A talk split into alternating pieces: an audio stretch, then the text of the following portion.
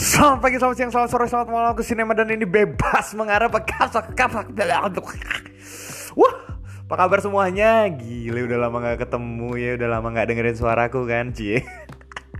So keren loh nem emang. Iya oke. Apa kabar semuanya? Semoga kamu dalam keadaan yang baik. Apa kabar? Selamat datang di musim kedua, cie season 2 gitu ya, season 2 gitu ya. Uh, ini musim yang baru dan sebagaimana yang aku bilang di episode terakhir dari season 1 bahwa episode di season 2 ini akan ada beberapa episode di mana saya akan berkolaborasi dengan beberapa orang cie gitu. Siapa-siapa aja tunggu aja. Pokoknya makanya ikutin terus tuh notifikasinya tuh gitu ya. Langsung di-subscribe aja, follow langsung di Spotify atau di Anchor kamu biar kamu bisa terus dapetin update-nya ya. Oke. Sip, lanjut.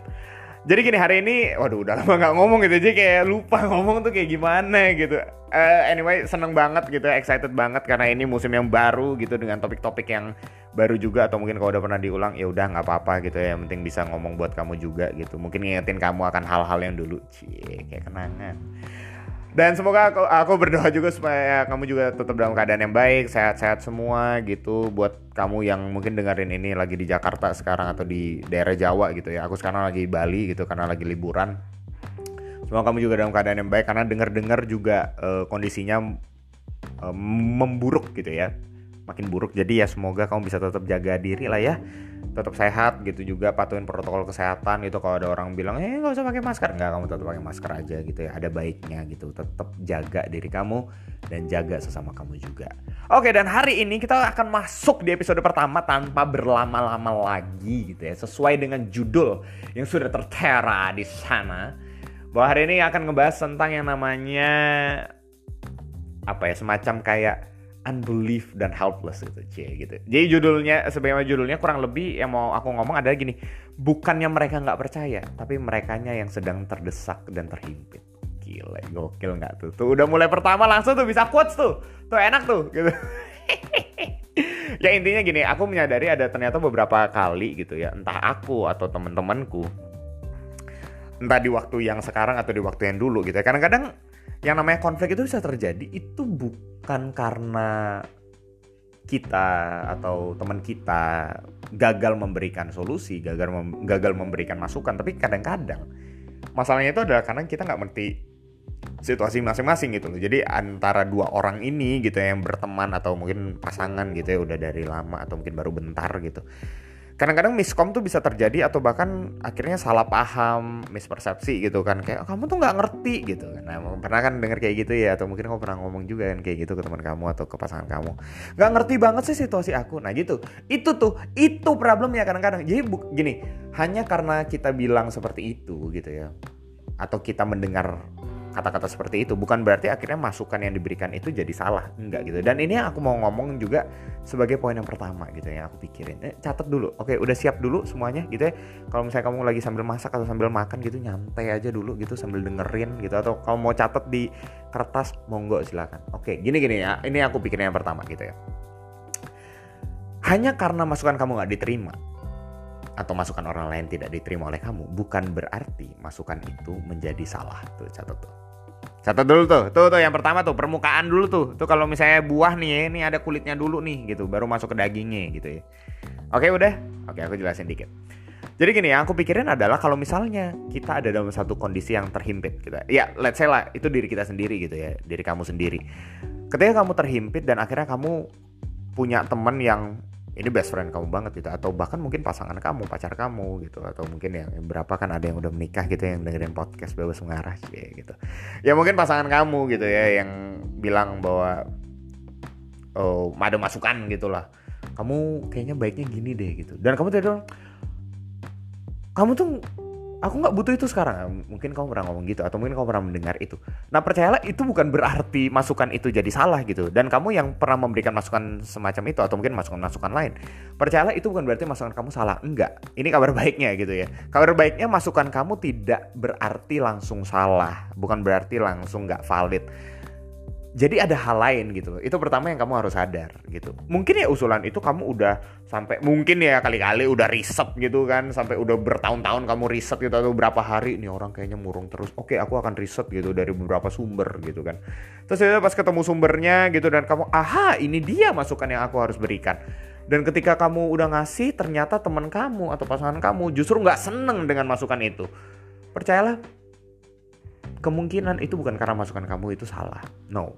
Mungkin itu masukan yang dia butuhkan sebetulnya.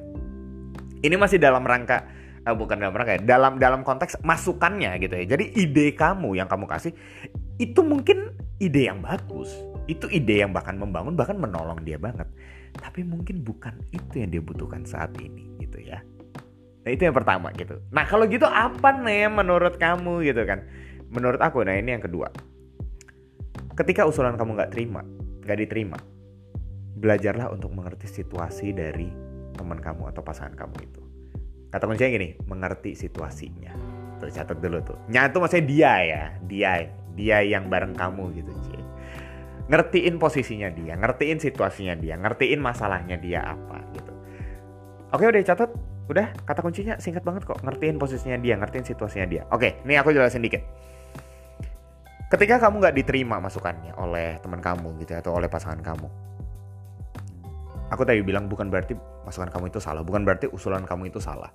Justru mungkin mungkin yang sedang terjadi adalah orang itu butuh untuk didengar dulu masalahnya apa.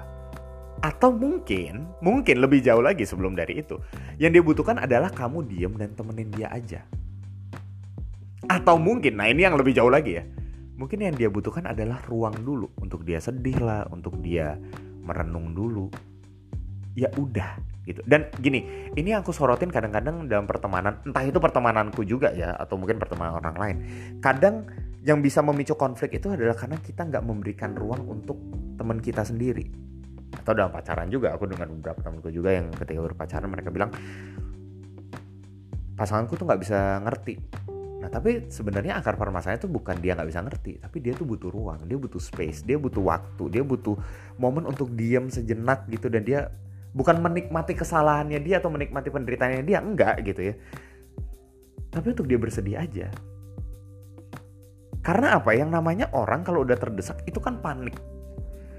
Dan kalau misalnya dia panik, ya mengertilah keadaan orang itu gitu loh dan gini gini aku aku pernah di situasi yang sama dan aku berusaha untuk menenangkan orang itu. Gak akan kesampaian men.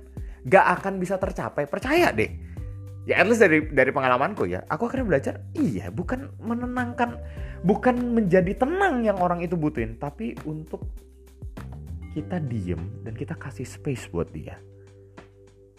Masalah dia datang ke kita atau enggak itu urusan nanti tapi dari kita dulu kita sebagai teman kita sebagai pasangan yang memang benar mau jadi teman atau pasangan dia ya kita seharusnya belajar untuk ngerti apa yang terjadi dengan dia.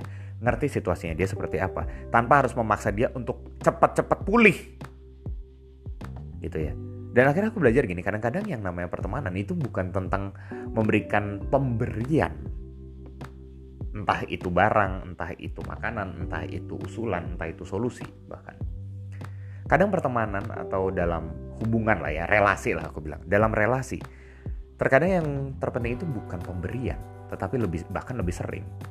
Yang terpenting itu adalah pengertian. Bukan pemberian tapi pengertian.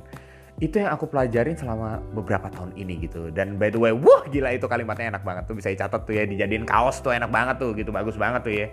Bukan pemberian tapi pengertian itu yang aku pelajarin selama beberapa tahun bahkan secara khusus beberapa bulan ini juga. Aku makin ngeliat itu dalam pertemananku gitu ya. Dalam relasi yang aku jalin bersama orang-orang di sekitarku juga. Banyak banget yang mereka butuh itu adalah pengertian bukan pemberian dari aku. Pemberian bukan hanya barang tapi juga kadang-kadang solusi dari aku.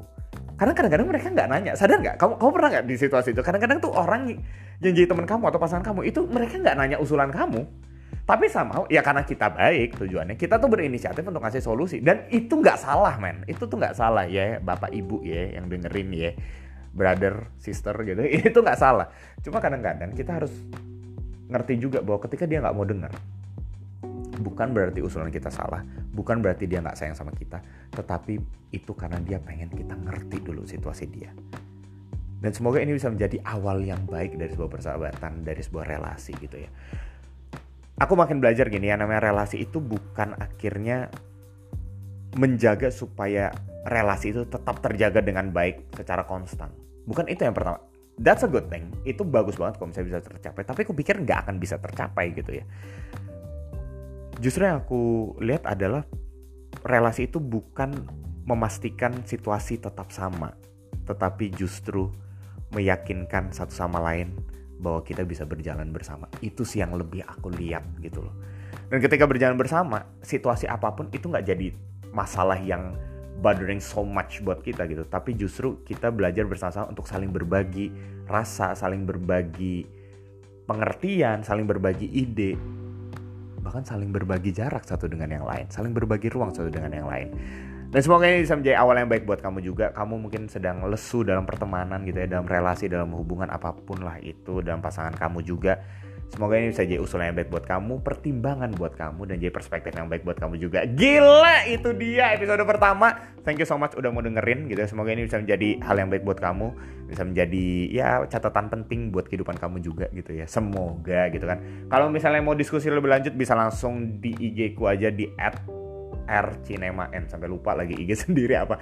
At R Cinema N gitu ya. Bisa langsung DM aku. More than welcome untuk dengerin usulan dari kamu kritikan dari kamu evaluasi dari kamu bahkan dialog bersama kamu juga. Thank you semuanya. Tetap sehat tetap semangat juga untuk jalanin kehidupan kamu.